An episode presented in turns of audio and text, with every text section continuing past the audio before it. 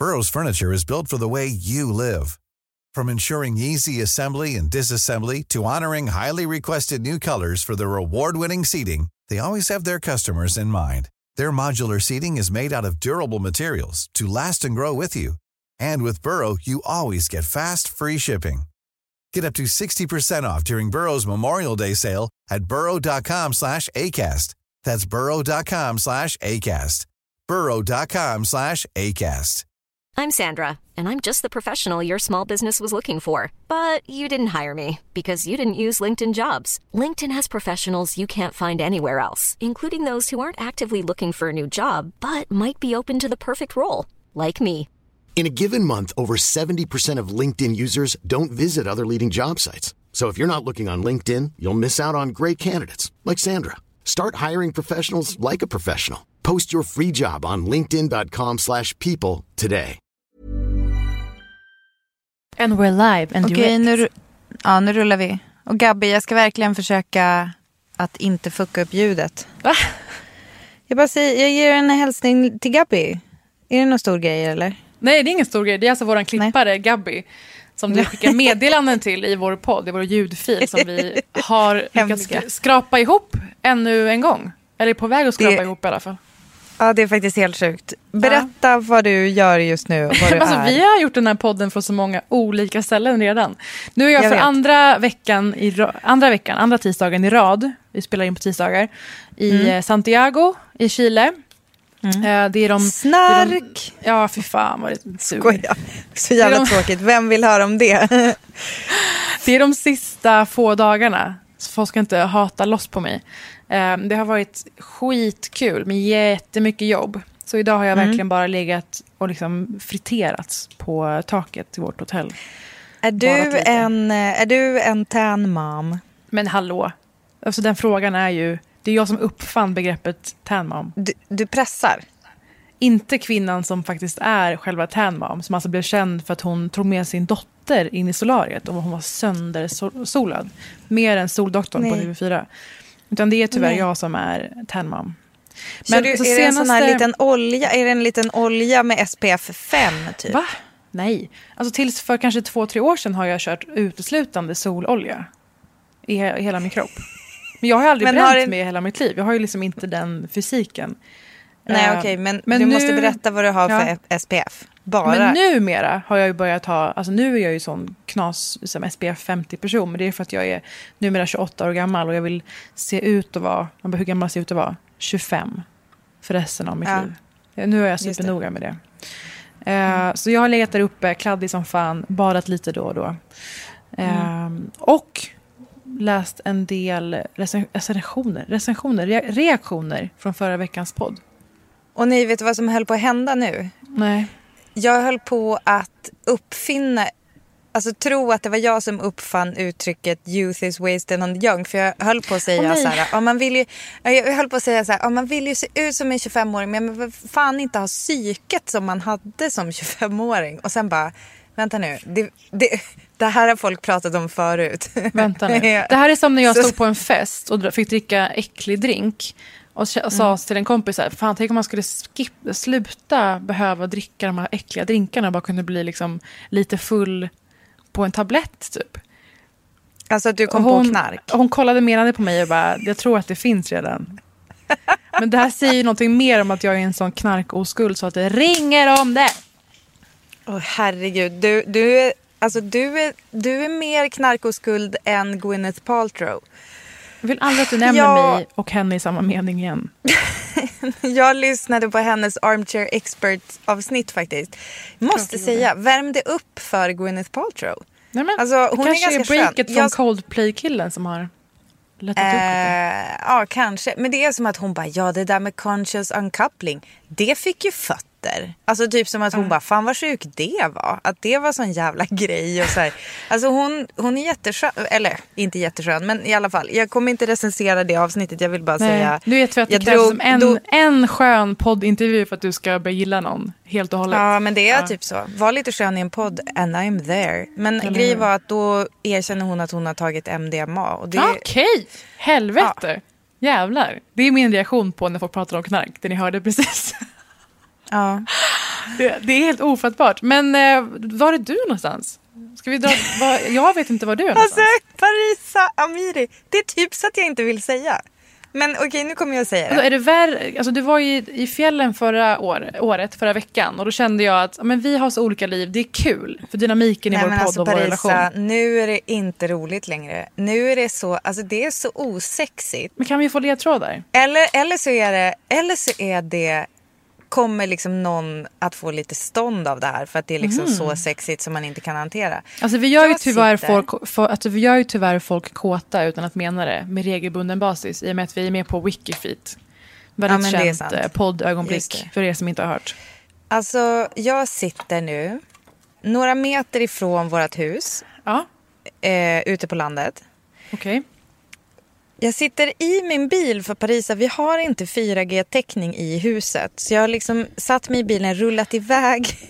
Man har typ två pluppar 4G om man står och lutar sig lite grann mot ett fönster. Eh, och det kände jag inte var en värdig position att spela in en hel podd i. Så jag har liksom har rullat iväg en bit mot Peppe och Maritas hus. Eh, och här Vill sitter hänga jag. med dem. Och vet du vad det bästa var? Att jag bara såhär, nej jag behöver något snack. Och så kunde jag, hade jag så dålig fantasi så det jag med mig i bilen är en, eh, alltså ett mjölkpaket. Men det måste ju vara din mamma-hjärna talking. Och det enda, alltså det enda, så här, den enda blessingen här just nu det är att jag har på mig ett plagg från, alltså Peak Performance har gjort en kollektion med Nigel Caburn som är en brittisk, väldigt gullig man. Eh, som, är, som är lite så här typ utility, så här lite workwear-aktigt. Så jag har som steppat upp min lantbrukarstil så att jag är som lite lite fancy lantbrukarstil. Så det Ja. Som Alltså, sagt då det- så är det din och Kalles version av eh, underkläder, lingerie. Det nu Ja, ja, det var det vi pratade om. techwear på dig. Ja, Absolut. sexigt som fan alltså. Nej men ja, alltså men det är där, faktiskt... det känns som att du är där du ska vara och jag är där jag ska vara. På det stora ja det hela. är typ så. Ja det är typ Jag så. har I ju- våra ja. ytterligheter liksom. I våra, Ja, i våra det. shiny utvecklingar av våra, våra Pokémons. det. Jag längtar tills när du börjar amma under poddinspelningarna. Att liksom vi är så långt ifrån varandra dessutom. Det kommer Alltså, det, kommer ju någon, det kommer ju någon garanterat runka till. Nej men alltså gud. Fan att du sa det. Förlåt. Jag är här nu, okej. Jag är i alla fall i Chi- Chile, Santiago för att spela in reportage för den här festivalen Lollapalooza. Och det var så, en så fantastisk eh, helg. Ja. Eh, alltså det är ett av de största evenemangen jag har varit på. Jag har liksom varit på eh, South by Southwest, Sonar i Barcelona och jag fick se Kendrick Lamar, Georgia Smith, alla möjliga. Det har varit eh, skitkul. Väldigt få pratade engelska tyvärr, vilket ni får se sen om ni får tag på de här klippen. Det har varit skittufft faktiskt. Men Hur blir en övrigt- intervju då? Ja. Alltså hur, bli, hur gör du då Det på en är... intervju? Alltså jag har märkt att liksom jag... Det här är så hemskt. Det här är, någonting som min, det här är någonting som min mamma kunde göra ibland när vi som träffade andra familjer som inte kanske kunde så bra engelska eller svenska. Börjar du prata med henne? Jag börjar appropriera du deras dialekt lite grann. Deras Oj. nivå av engelska. Och det får man ju säga är, det är någon social kompetens i första hand. Och i andra hand, Det är språköra också faktiskt. ja, nej, men det, det kommer ju se ovärdigt ut. Paris, det är samma grej som att jag pratar brittisk engelska i England. Ja, men inte i närheten lika äcklig. Så är det ju. att när- du bara, eh, what do you have? Ja. Nej, förlåt, Jo. nu ska inte jag Nej, börja. men nej. Det är, det, är ju det här jag säger. Det är det här, exakt det här jag Du säger. bara, jag gör det som social kompetens. musik. Det kommer upplevas som att jag förlöjligar de här människorna. Men hur funkar det? Alltså det? Det känns så svårt att tänka att du skulle vara så här helt chill med det. Att du ens men- erkänner det nu. Nej men, men det- de får klippa bort det. Det här, det här, Ja, kommer, inte få, det här kommer inte världen få se. Men jag har ju sett klippen nu och bara helvete vad det här blir svårt att klippa runt. Men det ska bli skitkul i alla fall och jag är ju som sagt kvar här en vecka till då. Och var igår i Valparaiso. Men är du kvar en vecka till? Alltså jag åker hem eh, på torsdag liksom. Vad är det idag? Ja, Nej, fan. Men alltså en vecka till efter festivalen. Nu är det ju tisdag redan. Men Ja, alltså nog om det på sätt och vis.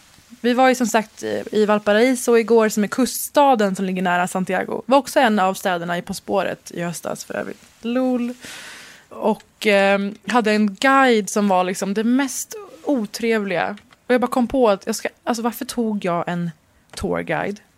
Ja, vad intressant att du inte tog jag en den tourguide. minst tourguide-kompatibla människan? Alltså jag blir så, Otroligt. jag blir så tänker- pubertal vid sådana auktoriteter som ska berätta vad jag ska gå och titta på.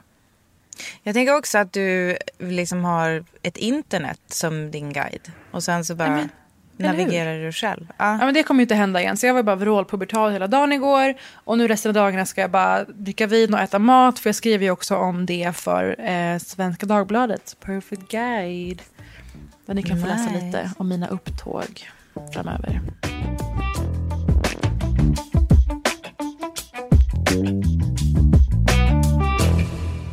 Ja men vad har du gjort i veckan? Jag har inte sett, för ni har ju börjat med ett Instakonto som heter, heter det, jag skulle säga Britta och Parisas gård precis, men så heter det inte än.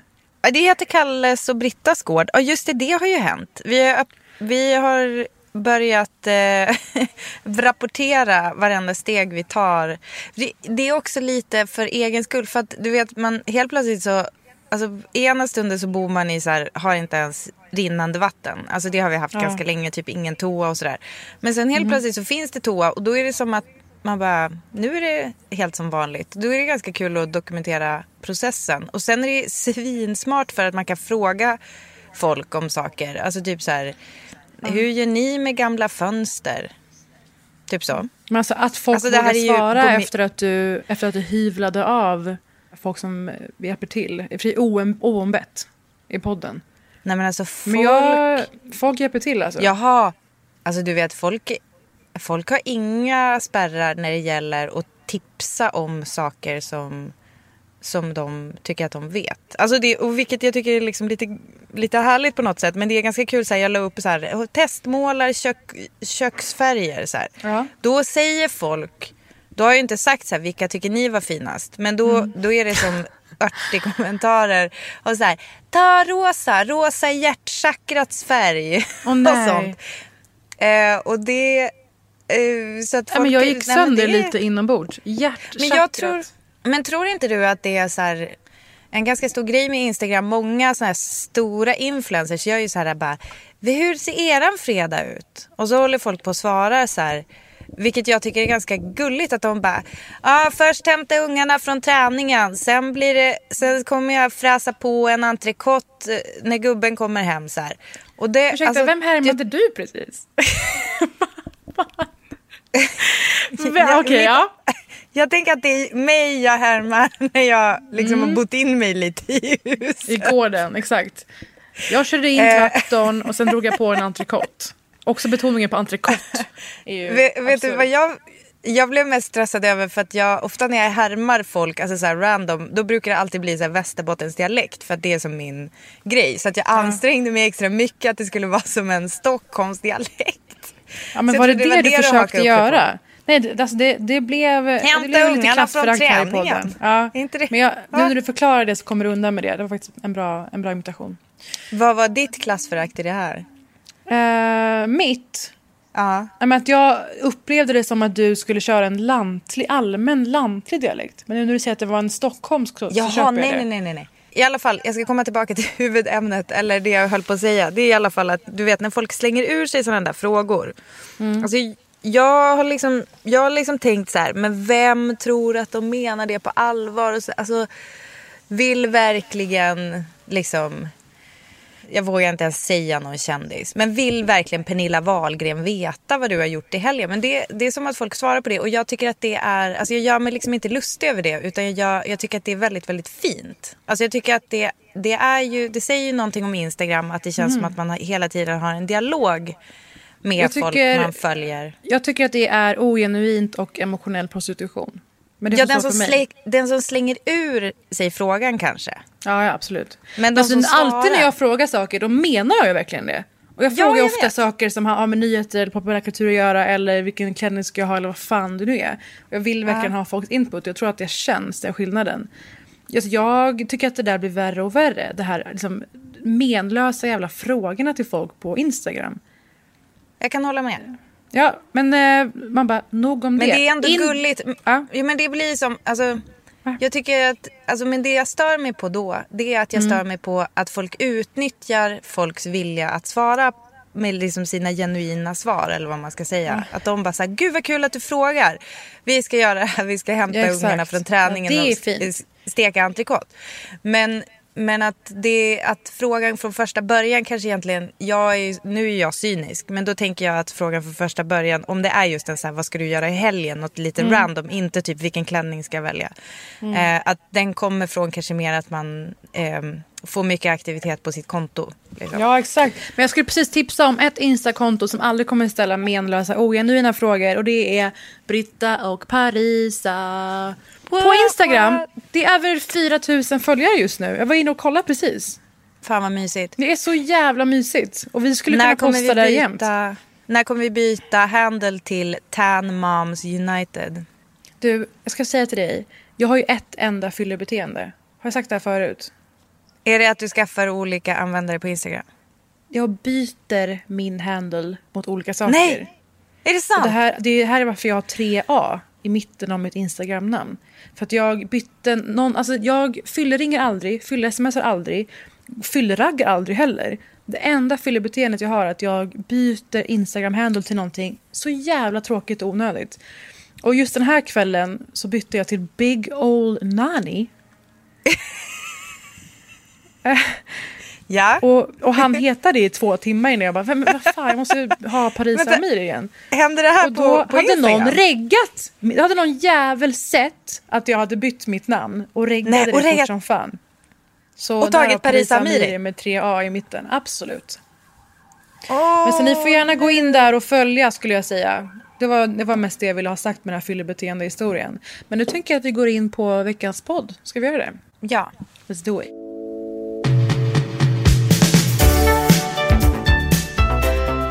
Britta Zackari. Välkommen till veckans nyhetsquiz. Det här var så... Det här var alltså en eh, så jävla amatöraktig jingle du precis fick höra. Det var en underbar, det var underbar. Jag bara, gud vilken, vilken tv-serie är det här? Jag kan det, jag kommer snart. Är det Alf? Är det, är snart har jag...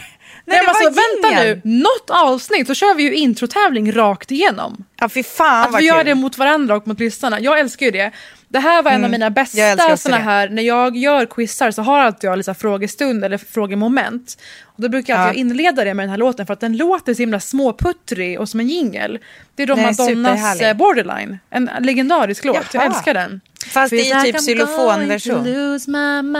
Nej, det är, det är originalet. Så Är det sant? Jag Detta var alltså den väldigt respektabla ingången och gingen till veckans nyhetsquiz. Eh, Jag har snott det här halvt från min goda vän Annika Lantz. Hon är känd för att ha väldigt långt hår och fina 70-tals plyschdressar. Men även för att vara en av Sveriges absolut roligaste kvinnor. Mm. Am I right or am I right? Absolut, 100 procent. Alltså en trailblazer på alla sätt och en nationalskatt. Och hon, jag brukar ju vara med i hennes nyhetsprogram Quiz som heter Landskampen i P1.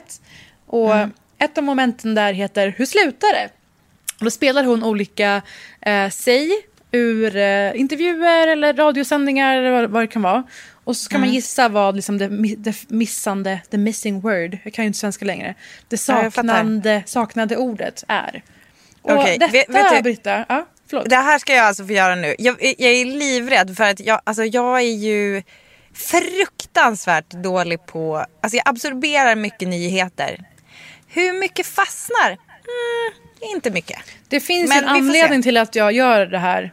Jag, för att jag ska ju- lära mig? Nej, för att sätta mig på för att jag känner lite halvt För att på jag ska mig få att du, du just kanske den här veckan inte har läst så mycket nyheter. Eller hört så mycket nyheter. Ja, att det är, sant, det är sant. Jag har varit i fjällen. Ja, Ja. Jag har varit i fjällen. Ja, det är mest därför säger vi för att jag ska vara snäll. Eh, men så vi kan ju börja med... eh, Klunkar så mycket mjölk nu ur min liten förpackning. Bara jag tänkte vi ska börja med en test, eh, testrunda. Bara för att du ska Ja. fatta hur det funkar. Det här är ett klipp från när eh, Kanye West för första gången är med i Keeping Up with the Kardashians. Har du, det här har du inte läst om. Nej. Eh, och han har, vägrar ju vara med och han har skyllt tidigare på att han tycker att det är för dålig cinematografi. Cinematography. Ja, alltså fotograf. Ja. Eh, fotot är för dåligt. Han är inte, han är inte galen i det. Exakt. Det är lågt production value tycker Kanye. Bara för att testa, vad är det ordet som saknas här? Ja. Here we go. The wife got a big butt, and I just see our life becoming more and more and more like until we can finally fly. Truman show. Truman Show. Eh, du menar att frun i Truman Show skulle ha en stor röv och att Kanye jämför hans liv med Kim med Truman Show? Nej, Jag tänkte, nej nu var bara så här keeping up with the Kardashians. Ja. Alltså att det är bara så här, oj oj helvete, är det bara, var är kulisserna någonstans, var kan jag gå ut? Jag förstår analysen. Den hade varit så mycket mer logisk. Så här sa han. And I just see our life becoming more and more and more like the Incredibles until we can finally fly. Ah, det var The Incredibles. Okej, Kanye. Men eh, tycker du inte att det är en logisk jämförelse för honom att göra? Eh, alltså för honom absolut. För, för Kanye allt logiskt. Ja, det är, vilken underbar hjärna han går runt med. Men nu kanske du förstår lite hur det här kommer gå till. Och nu Nej. kommer vi alltså röra oss in i nyhetsvärlden snarare. Ja okej. Mm. Jaha, så det var inte den här nivån på nyhet alltså? Att Kanye Nej. har... Inte vad jag tänkte den här veckan. Det kanske kommer. Nej. Om det här blir ett lyckat moment så kan vi köra det oftare. Jag tycker kallar, Us Weekly är nyheter. men jag Men kallar min snarare för fill in the gaps. Istället för eh, Annika Lantz version. För det är lite, ibland är det slutet, ibland är det mitt i och sådär. Det är lite hit och dit. Men då ska vi se här. Eh, vi lyssnar på en intervju med Dramatens vd, Eirik Stube. Den här personen dömdes för 20 år sedan, har eh, tagit sitt straff. Ja. Varför lägger ni ner en föreställning som den personen har koppling till nu? Detta handlar om eh, Ja, där så börjar det här svara. Och han säger, ja men det handlar om... Vad säger han sen Eh, Britta? Eh, jag vet det här. Det var så konstigt ju. Det var så här... Oh, fuck, fuck, Men fuck. eh, att det här som, jag kan ju bara fylla ut tiden och säga att det här är så kul för att den här kvinnan som intervjuar, den här rösten för mig är ju P1 Morgon som jag vaknar till nästan varje dag. Eh, alltså Catherine Zimmerman. Och hon pratar med den här väldigt, du vet, P1 radiorösten. Ja, Så varför väljer ni att... Alltså, ja prata- väldigt, prata här mycket pauseringar. Ja, hon, du, hon, det, hon trodde att det var en open audition, eller en så här audition för att hon Åh, skulle bli castad till någon sorts eh, Dramaten-grej. Hålla en eh, nu. monolog på Dramaten som P1 Morgon-människa. Ja, gud. Exakt. Nej men det var... eh, En gissning bara. Nej men alltså, vad fan jag vet ju det här. För att det Ja, var, jag det var ju en sån där grej som man lyfte ut och liksom... Men bara för att förklara då. Vi gjorde ju ett avsnitt eh, förra veckan som handlade uteslutande om eh, K-specialen, om Josefin Nilsson. Och det var jättekul att så många hade hört det och reagerat på det och hört av sig till oss. Men här är alltså Dramatens vd som sitter och pratar om beslut han har valt att göra. Sen den här intervjun så har bland annat Julia Duvenius, heter skådespelerskan. Eller hur Britta? Ja. kommit ut och berättat mer om maktstrukturen som är väldigt problematisk och nedtryckande inom Dramatens väggar. Och än så länge så har Eirik Stube, vd och konstnärlig ledare, kvar sitt jobb, vad jag förstår. Ehm, men vi får se hur det utvecklar sig. Men du måste Ja, men gissa alltså, nu. Så här det är typ såhär, till. ja men vad fan, nej jag vet. Men alltså det är typ såhär att de, det, är, såhär, det är inte typ såhär att Alltså, de tar någon ställning mot honom utan det är typ såhär, det känns inte härligt. Okej, Eh, Erik Stube tycker att det har blivit så konstig stämning kring det här. Kring ja. lynchmobben. Han Okej. skyller på lynchmobben. släng in det ordet. Nu kör vi. Här kommer facit. detta handlar om eh, alltså, ljudnivån och att det är för eh, känslosamt att genomföra. Ja, Jaha, okej, nej, Okej, det var inte det jag hade. Det var inte det jag hade i huvudet. Ja, ljudnivån. ja men det går inte att ta in att det är hans svar. Nej. Jag har hört det här klippet nu 30 gånger och jag skrattar varje gång. alltså, Ja, det är faktiskt helt sjukt. Ljudnivån, dels. Ljudnivån? Det är för känslig stämning, sa han så? Känslosam. Ja, det, är, det är i alla fall det som det här, det kvarvarande avtrycket eh, för Eirik Stube på Dramaten. Eh, noll poäng till Britta än så länge. Ni där hemma får hålla koll på era poäng själva och hojta sen med hur det har gått för er.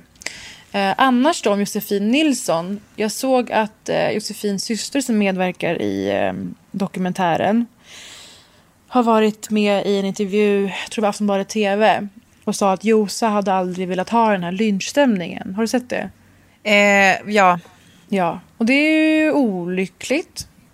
Och jag gjorde också ett litet så utfall, eller vad man säger, förra veckan. Där jag fick ett mail från eh, Opinion Live där de bad mig vara med. Nu hade jag bara kunnat säga nej, jag är i Chile. Men då hade jag inte Ja. fått tillfälle att också kritisera dem. För att i det här intervjuet, den stackars researchen som mejlade mig, jag tycker inte hon är att ansvara för det här, men hon skrev en av frågorna var hur ska teatern eh, agera utifrån sådana här inom citationstecken lynchmobbar som uppstår. Och jag skrev ju att jag kan tänka mig vara med i en avlägsen framtid när de inte stöttar sådana här förvridningar. Och att ordet egentligen är protest. Alltså reaktionen på det här lilla, lilla mejlet jag skrev har varit helt sinnessjukt. Vad fick du för reaktion? Alltså jag måste bara säga först att jag tyckte det var helt underbart att du eh, skrev det och liksom rättade. För det är ju ganska konstigt att just opinion när de bjuder in till att diskutera någonting redan i sitt ordval tar ställning på sätt och vis. Eh, även om det verkligen. sitter inom citationstecken. Men och då tycker jag det är underbart att du sätter ner foten och berättar vad ordet heter istället. Men hur reagerade de tillbaka då? Nej, men så jag känner mig trygg att göra det i min position. Jag har varit journalist i tio år och själv jobbat på SVT i många år. Ehm, sen tror jag att det är många som inte vågar eller vill bidra till något så här, vad man ska kalla förändringsarbete i de här eh, institutionerna. Så jag känner ju att så här, men jag kan kosta på mig att svara det här. Att eh, vägra vara med i ett sammanhang och att lägga ut det här. Medan jag tror många inte många drar sig för det. Så det var ju, alltså jag har aldrig fått så många DMs i mitt liv på ett, en och samma post. Eller hur man säger. Om väldigt många som jobbar på SVT just. Det var det mest intressanta. Alltså fast Ja. anställda, högt, högt uppsatta. Men som skrev Människor. pepp eller som skrev... Som skrev Att du "Pepp, galen." änt- äntligen, gud vad skönt, vad modig du är. Man bara, vänta okej. nu, det är jag som är frilans. Det är jag som lever liksom vecka till vecka på uppdrag. Och Mm. har den här mängden alltså ryggrad eller vad man säger. Hur, alltså det, det fick mig lite apropå det vi sa förra veckan om Felix Herngren. Att så här, det är jättebra att ni hör av er och att ni stöttar mig. Men var, var är ni i det här? Typ? Var liksom Ja. är era utrop? Kan man ju känna. Men, eh, Ja, Felix Herngren var ju helt enkelt. apropå att han har sagt att, han, det, att det är dags att alla säger ifrån.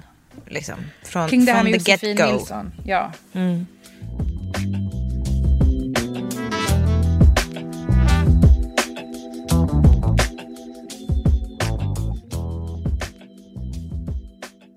Nu ska vi gå vidare till nummer två i nyhetsquizshowen. Den byter namn hela tiden och nu heter den nyhetsquizshowen. Den här veckan har ännu en hjälte, eh, inte fallit kanske, men blivit lite naggad i kanterna. Jag pratar om en av de icke-presidentkandidaterna, men som mycket väl kommer antagligen bli det väldigt snart. Eh, det är alltså Joe Biden. Hur känner du för Joe? Jag gillar Joe Biden lite för att han dyker upp så här lite här och där. Han är som tjenis med många kändisar. Alltså han är ju som en karaktär. Men jag, alltså, och sen typ, eh, jag vet inte om jag kan säga så mycket om hans politik. Det, det, Han är ju liksom en, en okej kille kan man väl säga. Ja, han har ju blivit känd dels eh, som en enorm favorit bland eh, media och kulturmänniskor. Han är bland annat vår älskade, älskade idol Amy Polars frikort för hennes karaktär eh, i Parks and Ja. Recreation. Just det. Hennes karaktär Leslie Knope är alltså besatt och ja, men så jävla kåt på Joe Biden, kort och gott. Och jag tror att vi alla har googlat Joe Biden Young i olika svaga tillfällen, om man säger så. Ja, jag, jag, pratar om, jag pratar om mig Det, nu, tror, det, har vi inte, det har vi inte alls, Du, det Paris. tror jag, jag, tror, tror jag att alla som lyssnar har gjort ett antal gånger. Det är inte Ja. bara jag, eller hur? Nej, men han är en superhärlig person och han har just blivit känd för att han är som vrål-BFF med sin gamla chef, presidenten Barack Obama, som han alltså var vicepresident under i åtta år. Det har ju släppts klipp på att de liksom gosar och kramas och hänger och det är ett väldigt populärt meme att de är BFFs och hänger. Och att Joes nivå alltid är en sorts 15-16-årig kille som bara älskar sin bästis och vill hänga jämt. Och Barack är den som får vara lite mer uppstyrd och bara “men Joe, vi är på ett möte nu. Vi kan eh, leka kull sen” liksom. Eh, Det, det är lite hans persona. Och av de här presidentkandidaterna som finns nu redan så är typ Kamala Harris och Elizabeth Warren två enorma favoriter från demokrathållet. Eh, presidentkandidater från Republikanerna har ju inte kommit än men gissningsvis så är det ju Trumperiet som vi eh, har att vänta där. Men det som, ja, men det som har hänt med Joe, man bara, kunde det inte ha bara varit att han råkat finansiera någon liksom halvskum grej? Eller kunde det inte ha varit att han i någon intervju, han är ju väldigt för alla progressiva rättigheter. Han har väldigt progressiva åsikter. Det är såklart metoo-relaterat, tyvärr. Och det är inte övergrepp per se. En kvinna som själv är delaktig i politiken i USA, Lucy Flores, skrev en text för New York Times där hon berättade om ett tillfälle som fick henne att sluta älska Joe Biden. Det är så också rubriken på det här. Hon berättar att hon stod framför honom och skulle precis gå upp på scen inför alla människor. Och när han liksom bakifrån tog ett fast grepp om hennes axlar och tryckte henne nära sig. Alltså inte tryckte henne nära sig som att han tryckte sin kropp mot henne.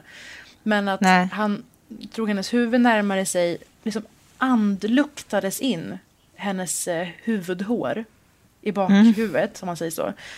Och eh, sniffade in hennes doft. Och hon kände att hon blev paralyserad och eh, hon kände sig förnedrad helt enkelt. Eh, och innan vi säger någonting om det så eh, är ju det här, liksom, i tänk i USA, där allt som inte är en liksom, överfallsvåldtäkt är skitsnack egentligen i mediers ögon. Det är ju, det är ju mycket hårdare klimat där vad gäller de här frågorna och gråzoner och sånt. Eh, Det har ju nu börjat liksom florera jättemycket bilder på när Joe Biden eh, slumpartat på alla bilder står bakom olika kvinnor och håller dem på axlarna och lutar sitt huvud mot dem. Eh, och det kan ju bli något som kanske rubbar hans eh, framtida kandidatutropning något. Det här pratade de i med ett av mina favoritprogram, Nordgren och Epstein i P1. Det är alltså de enda två P1-människorna som de gör liksom en podcast varje dag i princip. Det är snackprogram i P1. Har du hört det? Ja, Om jag har hört det. Vad håller du med mig om att de har någon liksom, unik position där? Alltså, eh, d- ehm, precis, det, det var ganska kul att du sa att de gör en podcast varje dag. För det är, det är som att de pratar i en timme.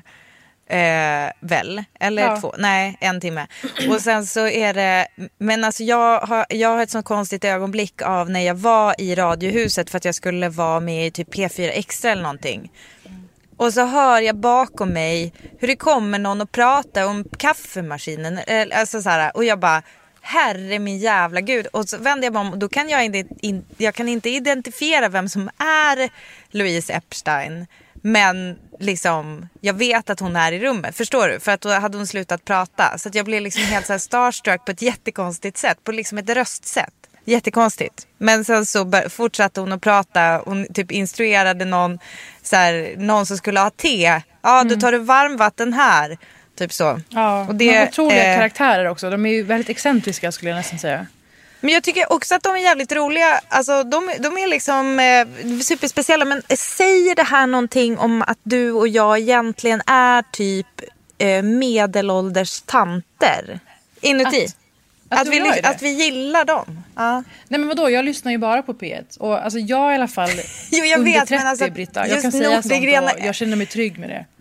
Jo men alltså. Du får ju hitta alltså, din approach. Det är ju ändå en acquired taste. Ja men det Alltså, är det. det- Och de är nummer två som sagt i vår lilla nyhetsquiz-show. Och det är kopplat till Joe Biden-frågan. Eh, Ja, jag ska bara säga, de är, de är i eten 15.00 varje dag om ni vill testa och lyssna Bra, på nu när vi pratar plugg. om det här programmet. Ja. En annan bra story är att Nordgren... 15.03 förresten. Ja. De har ju tävlat i På spåret de här två. Och jag har tävlat mot dem i Annika Lantz program, Landskampen faktiskt. Och vunnit ska sägas. Men Nordgren, eh, det är alltså pappa till dottern som var gift med Tiger Woods. Det ökända äktenskapsslutet. Åh Slutade med att hon slog herregud! sönder hans bakruta med en golfbil. Han fick köra iväg. Smaskigt! Smaskigt. Och förstår du hur jag satt mitt emot honom i radiostudio och fick hålla mig från att inte kommentera? Att jag tyckte att det var... Jag blev så Jag skulle, starstruck. jag skulle inte ha pratat om annat. Ah, ja. Nej, Fortsätt. Eh, Nu, nu alltså, nu behöver jag en fråga. Var är vi? Joe Biden, Nordengren, Epstein. Kom igen. höra. Hit me.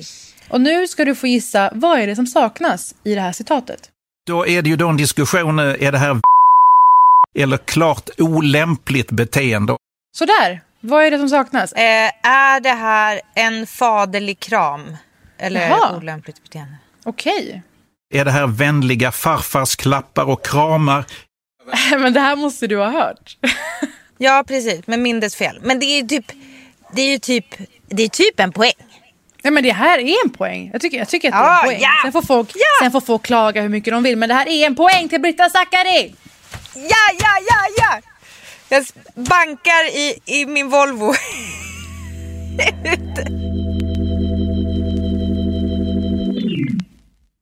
Då är det dags för punkt nummer tre i Britta och Parisas nyhetsquizshow. Och nästa punkt berör vaktingripandet mot den gravida kvinnan på tunnelbanan. Britta, vilket ord saknas här? Så du menar att eh, kvinnans agerande eh, motiverat vakternas ingripande? Hon har inte kunnat uppvisa någon giltig biljett och när hon har fått eh, en sån här, eh, vad blir det, straffavgift eller vad man ska, vad det nu heter. Så slänger hon den ifrån sig. Vad svarar han, åklagaren, tror du? Ja. Och det är det. Han har, han har lite loj stämning, känner du? Men alltså jag tänker ju att de där, den där typen av snack som han, alltså tonläget på hans svar är en sån där som alltid svarar på en fråga med nej, hon har ju la la la la la så här. Men han menar ju, alltså de tycker ju att det är, de tycker ju inte att det syns på filmen att hon på något sätt blir liksom misshandlad. Okej, är det det som är ditt, din, din aning här? Ja. Då kör vi. Så du menar att eh, kvinnans agerande eh, motiverat vakternas ingripande? Ja. Ja. De ringer alltså upp en eh, åklagare, åklagaren som har Ja. beslutat om att lägga ner utredningen om vaktingripande mot den gravida kvinnan på tunnelbanan. Eh, och han ger oss då ett enkelt ja. Har du sett det här idag under dagens gång? Den här nyheten? Ja, alltså jag har ju sett att det har lagts ner. Det har du. Det är ju liksom... Jag vet inte vad man ska, alltså jag vet inte vad jag ska säga. Det, det, är som, det är så fruktansvärt deppigt. Det finns så många vittnen. Alltså för att, Som jag fattar det i det jag har läst så hänvisar de till filmen också. De hänvisar till filmklippen som finns. Mm. Men det finns ju också vittnen som eh, liksom fyller i historien också. Eh, alltså, det, det rullades ju inte kamera på hela tiden och så vidare. Mm. Det är ju lite konstigt också tycker jag att åklagaren inte ens vet vad det heter när man får en straffavgift eller vad det nu heter. Alltså dels det att åklagaren, åklagaren inte har koll på vad det heter. Men om man läser i beslutet dessutom, utöver det här, så Ja. det, tycker jag detta var det mest minnesvärda. I beslutet står också att, citationstecken, det är oklart om ordningsvakterna förstått att personen var gravid förrän personen hamnar på bänken för att sen hamna på marken. Ja. Det här citatet säger du- ju att alltså förrän personen hamnar på bänken för att sen hamna på marken. Då visste ni det när hon var på bänken och när hon var på marken. Tveklöst. Säger de inte det rakt Jaha, ut i det ja, ja, citatet? ja, okej. Ja, ja, ja. Ja, jo.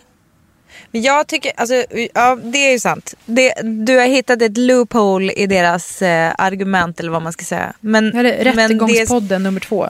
Det. Exakt, men det jag tycker också är så vidrigt med den där händelsen det är ju också att allt det här händer framför hennes barn som är med. Eh, Det är inte ens med tycker jag- i beslutet, det, det, den faktorn. Nej, vet, är alltså, det är som att det inte ens nämns. Vilket är så här, jätte, jättemärkligt. För att det är ju ett barn som sen Mm. Berättade på förskolan att hon Mm. var rädd för poliser och hon var jätterädd att de skulle komma och ta mamma och så vidare. Alltså hon har ju trauma från det där.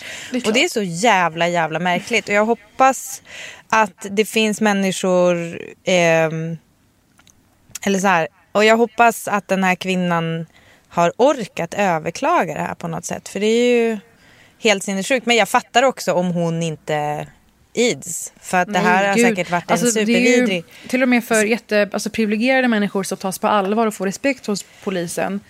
eh, så läggs saker ner. Det var ju nu Ja. i veckan till exempel att det har gått ut enorma skadestånd till männen som stod anklagade för att ha våldtagit en kvinna i ett trapphus i Fittja. Och fastän det fanns DNA-bevis och liknande så har de friats och fick nu skadestånd på flera hundratusen för deras tid i häktet. Det är hur bakvänt det här rättssystemet är. Men det står lite om dottern faktiskt nu när jag läser mer om beslutet. Det står att eh, i motiveringen står det att det kanske hade varit bättre att låta kvinnan åka vidare eftersom hon var gravid och hade sin dotter med sig. Men att det inte går No att visa shit, att vakterna Sherlock. använt onödigt mycket våld. Men då är det som att det faller på det går inte att visa att vakterna använt onödigt mycket våld. Att det är den enda parametern. Och Då har man ju misslyckats. Om det är det enda vi, vi bedömer vårt, vårt våldsmonopol på. Att så länge de inte har gjort det så är allt annat de gör fine. Och ska få fortsätta jobba med det de jobbar med. Men så det var ju ett eh, underbetyg. Ja, alltså min bok. att, att frågan... Nej, men precis. Alltså onödigt mycket våld. Eh, alltså det kan ju vara bara situationen att det är typ fem vakter mot en gravid kvinna och hennes femåriga dotter och Mm. sen någon kompis som är med eller vad det är. Eh, det i sig är ju jävligt hotfullt. Men Oh ja. ja. det är såklart, Men- det är väl svårt att... Ja, vi har en punkt Ja. kvar här i nyhetsquizshowen. Ja. Du har två poäng än så länge och vi är framme vid den sista, sista poängen. Så nu är det viktigt att briljera här. Ja, jag My vet, jag kommer inte göra det, men vi kör. I dagarna så kom det fram att eh, Alice Teodorescu, ledarskribent eller chef för ledarskribenterna på GP, väldigt känd, eh, väldigt höger skribent, eh, ansluter sig till Moderaterna. Har du sett detta alls? Jajamän. Hon presenterades som huvudsekreterare för Moderaternas nya idéprogram. Det är alltså en kvinna som har velat så att säga eh, nyansera debatten om abortfrågan, till exempel. Eh, Ja. Hennes eh, hela persona som någon slags Sveriges Dolores Umbridge, om ni känner till det från Harry Potter. Alltså kvinnan som införde väldigt hårdföra totalitära eh, system som rektor på Hogwarts i Harry Potter-böckerna. I sina liksom, rosa dressar och pärlörhängen och vad det är. Dagen efter hon infördes eh, i Moderaterna så gick de ut med ett förslag om att införa omdömesbetyg i skolan. Så liknelsen med Dolores Umbridge, den står! Ja. Och eh, från presskonferensen då, där eh, Ulf Kristersson berättade varför de har tagit in Alice Teodorescu i ett politiskt parti som eh, Moderaterna, som ska vara liberalt i grunden, så sa han detta. Vad saknas för ord här, Brita Zackari? Alice, som de senaste fyra åren kan man väl säga, har gjort sig känd som frispråkig eh, chef för Göteborgs-Postens ledarsida. Som också har tagit in samtids, den internationella samtidsdebatten i svensk ideologisk diskussion på ett sätt som har väckt lagom mycket engagemang och precis lagom mycket Och precis lagom mycket, Precis lagom mycket i... hörde du? I, jaha. Jag hörde i... Jaha. Precis. Ja, precis lagom mycket. Intersektionell analys. Ja, Alice Teodorescu, känd för att vilja ha intersektionell analys. Är det Precis rätt eller fel, lagom. Brittas Precis gissning? lagom mycket. Vi ska höra vad Ulf Kristersson sa om att ta in Alice Teodorescu. lagom mycket engagemang och precis lagom mycket ilska. Precis lagom mycket ilska. Hur känns det då? Alltså att hon tar med sig ilska eller att hon skapar ilska. Han menar säger han? att hon har, hon har skapat lagom mycket ilska. Tycker Ja. han. För att då motivera. Hon har alltså skapat tillräckligt mycket lagom ilska för att kvalificera sig som huvudsekreterare för Moderaterna. Det här är alltså ett parti som förra året så kom det ut en video där en man kallade Annika Strandhäll för hora. Han är alltså kvar inom Moderaterna fortfarande. Moderaterna alltså, har gjort en hel ilsketrojka nu. De har Ann Heberlein sen gammalt, de har Hanif Bali som vi ökänt vet och nu har de Alice Teodorescu. Så framgångskonceptet ilska ska helt enkelt se, ge Moderaterna segern i nästa val. Jag tycker att du ska fortsätta på den här Hogwarts-grejen. Det går säkert att hitta liksom, vilken Harry Potter är respektive... Alltså, är, jag antar att alla är typ Slytherins eller någonting i, i eh, Moderaterna. Att du, kan para nu, ihop. var, nu känner jag, nu är det riktigt läskigt att uttala sig. Men det, det får ni där hemma jättegärna återkomma till oss med. Någon slags fanfiction. Eh, svenska parti, eh, partivärlden ihopkopplat med Hogwarts och Harry Potter-världen. Ja. Men Britta, du fick eh, två av fyra poäng. Ja, det, alltså, det är ändå godkänt va? Ja, absolut. Det ska bli Om kul skulle- att höra om några andra isade det fullständigt, tänker jag. Om du skulle ge ett betyg för min ordning och uppförande under tiden som jag har tävlat också, vad skulle, vad skulle du säga då? Nej, vi måste nog rista in lite ord i din handrygg, tror jag, när dagen är slut på mitt kontor. Ja.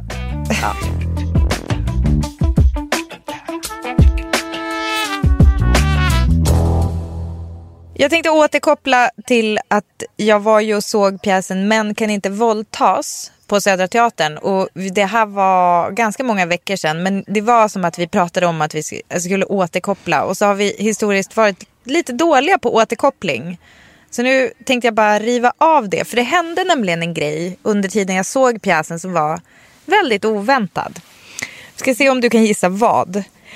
Märta Tikkanen skrev ju den här äh, boken för 40 år sedan. Eh, det är en roman om en kvinna, bibliotekarie, bibliotekarien Tova. To, heter hon Tova? Tova, ja. Hon eh, ska hämnas på sin våldtäktsman, Marti. Tova, vi, hon ska gå ut och fira sin 50-årsdag. I boken är det 40-årsdag, men som vi alla vet, 50 är det nya 40. Eh, Men så hon går ut och firar att hon fyller 50 bast. Hon är singel, hon är lite peppad och så träffar hon en snubbe som hon går hem med. Och eh, så våldtar han henne på ett väldigt brutalt sätt. Den här scenversionen då är eh, Lou Kauppi som har gjort som första regissör som har fått göra det här trots att det alltså är ett 40, ett 40 år gammal roman. Och pjäsen innehåller då alltså inte bara en utan två våldtäktsscener. Det här vet vi då Ja men eftersom man vet att hon hämnas. Det är som en... Får man fråga hur det är iscensatt? Absolut. Hur går det till? Alltså det är faktiskt ganska graphic. Alltså jag satt, jag och min kompis Angelica som hade köpt biljetter. Det här blev ju slutsålt typ väldigt, väldigt snabbt. Men Angelica haffade biljetter i typ oktober. Ehm, och som tur var så fick jag gå tillsammans med henne. Och vi satt alltså front row. Så att vi, vi fick liksom scenspot på oss. Och eh, eh, det är en löskuk med i i scenerna. Eh, det är väldigt fin, det är en otroligt härlig, eller härlig, eh, o, obehagligt i det här sammanhanget. Men det är liksom jättefin scenografi som också hjälper till väldigt mycket. Det blir väldigt, väldigt obehagligt när hon våldtas.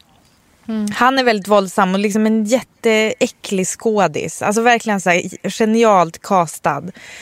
Eh, samma skådis spelar även, det är inte helt oviktigt kanske, men samma skådis spelar även hennes eh, tonårsson. Som Oj. är liksom lite så här, lite obehaglig, ja lite så här hockeykille typ. Ja det är faktiskt intressant. Men även där, det är lite så här... Alltså, nu vet jag inte varför jag är så här rädd att spoila det. det, det den har ju faktiskt slutat gå nu också. Välkänd Men, historia. Ja. ja men precis. Men alltså, nej, men alltså hur Lou Kauppi löste alltså det är som att man tror, alltså hon har som en gullig son och en så här hockeykille typ haha, eh, rövskämt, brudar, åh, knulla så här, så. Och att fast det är den liksom goda sonen som sen visar sig vara bad typ. Men det är egentligen en sidohistoria. I alla fall efter det här, jag hade sett den här pjäsen. Jag tycker det är ganska eh, roligt när jag typ har läst en bok eller sett en pjäs eller sett, en film. Och att sen efteråt så här, läsa om det. Alltså läsa recensioner och sånt där. För, alltså lite typ som att så här, i brist på typ prata med någon om det så eller jag och Angelica hade väl typ pratat klart om det. Men då hittade jag en intervju som SVT Nyheter hade publicerat med Lo Kauppi. Där hon citeras. Först då så uttalar hon sig om boken. Eh, den är ju helt enorm. Den är så kontroversiell och den skrevs för 40 år sedan. Och den är fortfarande lika kontroversiell, säger Lo Kauppi. Och sen fortsätter artikeln. När män kan inte våldtas kom ut 1975 skrev den direkt in sig i feminismens kanon och blev en viktig del i 70-talets kvinnorörelse. Tikkanen stämplades som en pervers sexgalning hemma i Finland men fick stort genomslag i Sverige. Tre år efter utgivningen blev Män kan inte våldtas till film med, med Anna Godenius i huvudrollen. Så nytt citat av Kauppi. Även när Jörn Donner gjorde filmatiseringen 78 tog han bort scenen när to Tova våldtar Marty. Medan Mm. våldtäkten på henne var med såklart. Det är ganska Alltså, den, intressant. den är inte ens med i handlingen och inte bara visuellt. Jag vet, alltså jag vet inte om den... Alltså han tog bort scenen när hon våldtar honom. Men alltså jag, jag tror inte att, att... Jag tror att man måste typ ha förstått att hon ändå Ja, hämnades. Ja. Eftersom, eftersom... Alltså jag vet, det står inte här. Jag har inte sett filmen heller. Men, eller filmatisering. Men alltså, annars sabbar man ju hela storyn. Ja, men Så så att- man, man förstår att det har hänt men man ser det bara inte i någon scen. Jag tror, så tolkar jag det. Okej. Men grejen är ju då att så här, våldtäkten på henne kan vara med. Men när hon våldtar snubben då är den inte med. Mm. Och sen lite senare i artikeln så fortsätter Kauppi med Jag är inte så säker på att vi är mogna ännu. Det kan hända sig att folk reser sig upp och går för att det är så provocerande. Först tänker man att jaha, hon hämnas, vad roligt med hämnd. Men sen blir det inte så roligt. Jag tycker att det är genialiskt att använda fiktionen för att se vad som händer med oss när vi inte bara är offer. Ja, eh, reser sig upp och går. Ja. Men jag måste säga, Eller vad tänker du? jag, Alltså jag bara först, du säger om hur det gick till, att det var en löskuk med. Jag menar verkligen, eh, alltså jag blir så fruktansvärt illa berörd av att se någon slags, eh, alltså dels våldshandlingar mot kvinnor i film. Men också alltså sexualiserat våld. Jag brukar alltid behöva titta bort eller spola fram. Alltså jag kan säga att Hur, kände, jag hur kändes det för dig undrar jag bara först? När du men vi grät. Alltså när vi, när vi såg det.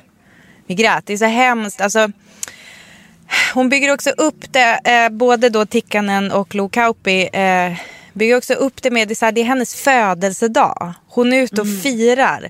Hon, hon är frånskild. Eh, hon liksom känner sig lite härlig, lite snygg. Flörtar med någon kille och alltså det är så, det är så jävla brutalt liksom att plocka ner henne från det. Hon är liksom på topp och så, och så blir hon fråntagen det. Det är väldigt, väldigt mycket som hon blir fråntagen i, i den scenen. Och det, den är jättestark och jätte, jättehemsk. Ehm, Jag förstår. men reser sig folk upp och går då, som Lo Kauppi Och vid vilka i en tillfällen? intervju vid den inför våldtäkten det här. mot männen då antar jag, inte mot kvinnan. Eller då folk reser sig upp och går. Jag vet, inte, jag vet inte vad hon syftade på. Men det här var ju en intervju inför premiären. Men det som hände Parisa. Vet, vet du vad folk gjorde under pjäsen och framförallt faktiskt under våldtäktsscenerna? Satt tysta och tittade. Eh, folk skrattade. Folk skrattade när publiken på Södra Teatern som har köpt biljetter till en pjäs som heter Män kan inte våldtas. Som handlar om inte bara en utan två våldtäkter.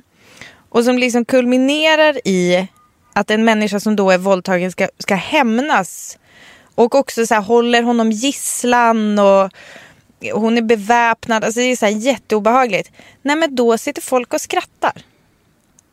För att det är så otänkbart att en kvinna skulle vara aggressiv mot en man. Eller vad är det? Alltså de skrattade, skrattade Ja, åt, som att de trodde att det här måste ju vara ett skämt. Alltså grejen är så här. Det, på vissa ställen så är pjäsen lite rolig. Alltså Ja. den, den har ändå liksom ett... Men det, det finns ju andra, det är ju inte våldtäkt bara hela tiden. Och, eh, så här, hon är bibliotekarie och det är något samtal mellan henne och hennes kollegor som är så här, typ roligt. Alltså, så här, men mer typ så här, oj var är mina läsglasögon? Alltså det är så lite att folk typ skrattar åt så här buskisgrejer. Ja. Men sen ett väldigt specifikt ställe där jag kommer ihåg att folk skrattade verkligen jättemycket var dels att det, det var någon situation när, när han då, våldtäktsmannen, ska bjuda henne på whisky. Eh, och blir så sur för att hon inte gillar hans rökiga whisky. Att han har så slösat den på henne. Vilket är så här, innan han våldtar henne. Alltså att han är liksom, bara det ty- tycker jag är så här väldigt så här, otroligt obehagligt beteende. Ja, det är eh, och, varningstecken. och då, det tycker folk är så här skratt, haha. Exakt, jag känner varningstecken, jätteobehagligt. Eh, men sen också så är det en väldigt speciell eh, situation när hon ska våldta honom med den här löskuken då. Eh, Och hon så här spottar i handen för att typ luba upp eh, sin fitta för att hon ska sätta, hon sätter sig på honom och liksom rider honom. Mm.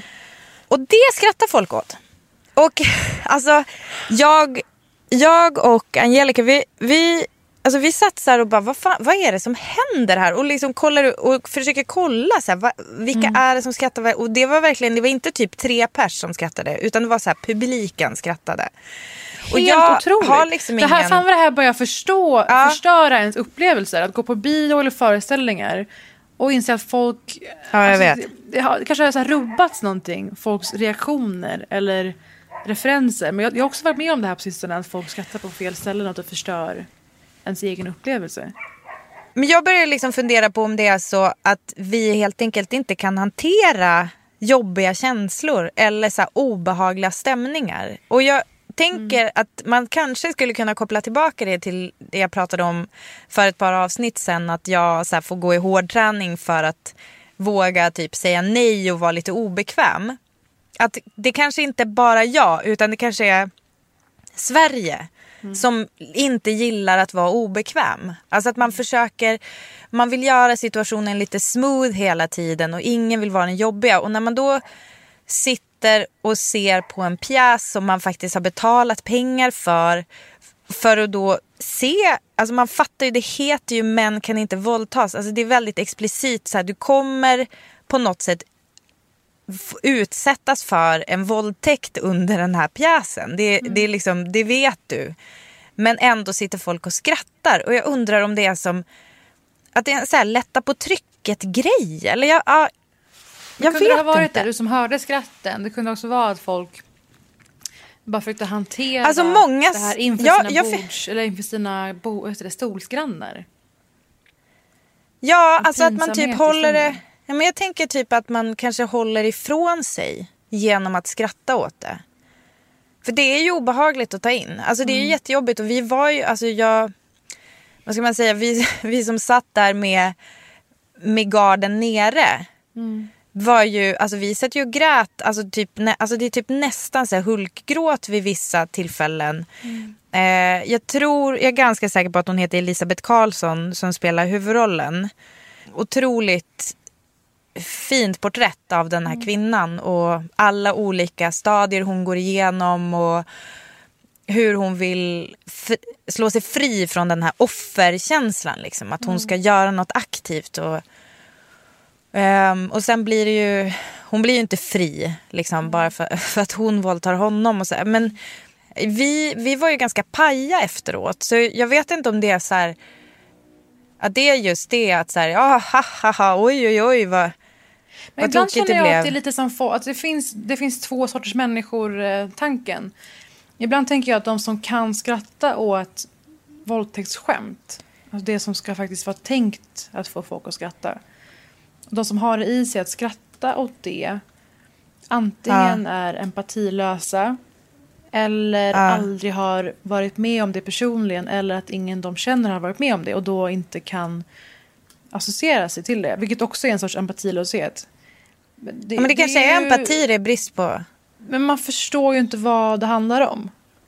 Men det du säger kan också vara helt sant och rimligt att folk inte längre har något sätt att hantera de här känslorna eller de här scenerna.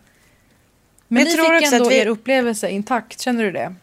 Nej, alltså det var ju jättemärkligt att gå och se en så, alltså, en så känslig pjäs. Mm. Alltså som, det var ju supermärkligt att då helt plötsligt så sitter någon och garvar. Och det blev som, alltså för det, det blev så här, man kan inte ignorera det. Man kan, det är för liten salong också. Det går liksom inte att bara så här, nu sitter någon och skrattar och man vänder sig om och kollar och så är det typ så här, en, något li, alltså det är som ett gäng som skrattar. Och som jag tänker, då så börjar man ju fundera på vad, vad är deras problem? Är det här människor som, alltså tar de så lätt på den här grejen? Det kan de ju inte göra. Nähä, och så sitter man och liksom funderar på det. Så att, väldigt mycket för mig handlade ju det där, den där pjäsupplevelsen blev ju istället så här, vad är det som händer med folk när de eh, liksom ställs inför en sån här typ av grej. Alltså när man får se något så obehagligt. Och varför kan vi inte hantera det? Det vore kul om eh, någon som lyssnar nu också har varit på en föreställning och kanske var med om något liknande och har någon Ja. analys. Eller Lo Kauppi själv. Ja, verkligen. Hon Alltså, tänker säkert ser alla föreställningar. För det där har jag faktiskt tänkt på. För att en, en föreställning är ju, det kan ju vara väldigt olika om man någon gång har sett samma föreställning flera gånger. Vilket jag faktiskt har gjort för att jag jobbade som brandvakt på Folkets hus i Umeå. Så att jag såg ganska mycket, alltså då sitter man liksom i under typ La Bohème och då sitter man där och så ser man den flera gånger och det kan ju vara ganska olika stämning i publiken bara från gång till annan. Så kan det vara helt så här, skratt på andra ställen eller så här, så att det är verkligen just att saker händer där och då och sådär. Så det kan ju ha varit som att det var en jättekonstig gång som vi såg. Ja. Och jag hoppas typ lite det. För fan vad konstigt. Alltså fan vad konstigt för casten. Alltså de som står där uppe Åh, på scenen och liksom vrider ut och in på sig själva. Står där i bara underkläderna och ska spotta på handen för att liksom rida någon som hon hatar. Och då börjar folk garva. Alltså det är så... Ja, det är jag tycker typ att det är Örjan så här måste känna. respektlöst mot de som står på scenen också. Ja. Men det är så här Men, ja. Örjan måste känna med de konstiga ljudnivåerna som eh, Dramatens vd sa. Var- Varför ställer in föreställningarna på Dramaten.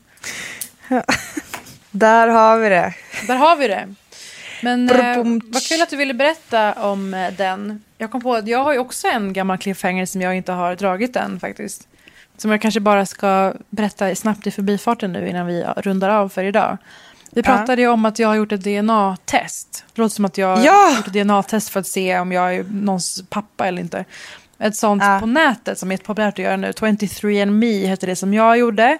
Då får man se väldigt tydligt ens bakgrund eh, runt om i världen, olika världsdelar. Och eh, min var ju, du var inne på att jag skulle vara 50, 60% finsk eller någonting. Min var Ja. ju, alltså till 80% så himla icke överraskande. Det var 40% skandinav, eh, rättare sagt svensk. Ja. med. 40% Mellanöstern, specifikt Iran. Det är som Ja. att folk har inte hängt runt mer Nej. än så. De har hållit sig på sitt åren. ställe. Ja. Verkligen. Men något som kommer glädja dig väldigt mycket.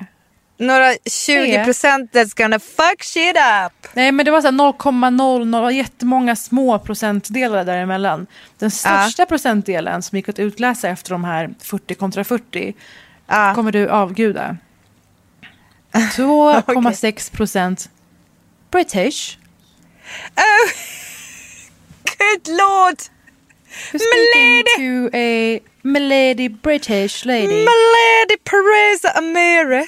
Så när vi, när fy vi fan, vad åker, underbart. Ja men det är så, det är så underbart. Det är så, alltså, jag blev verkligen glad att det här gav mig någonting nytt som jag inte visste innan.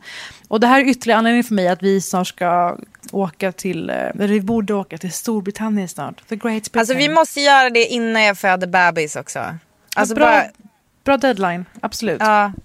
Men, Men eh, fan jag vad tänkte- kul. Ja, verkligen.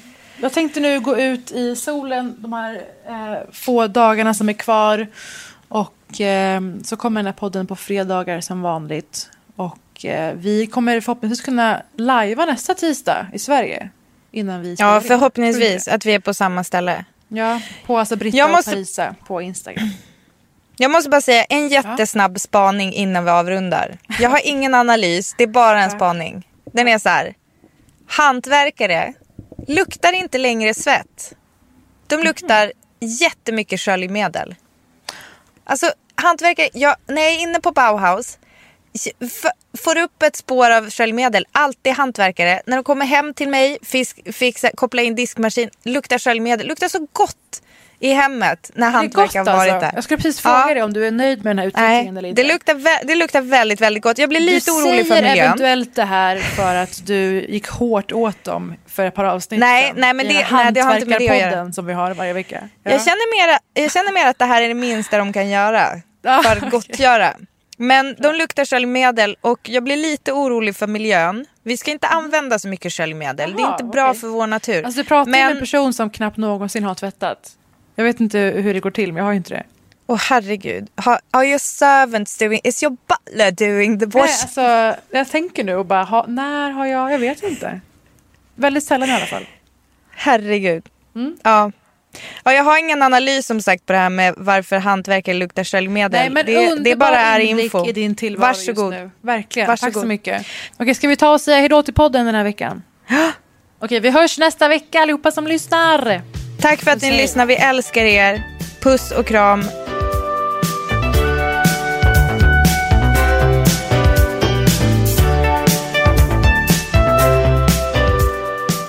En podd från L.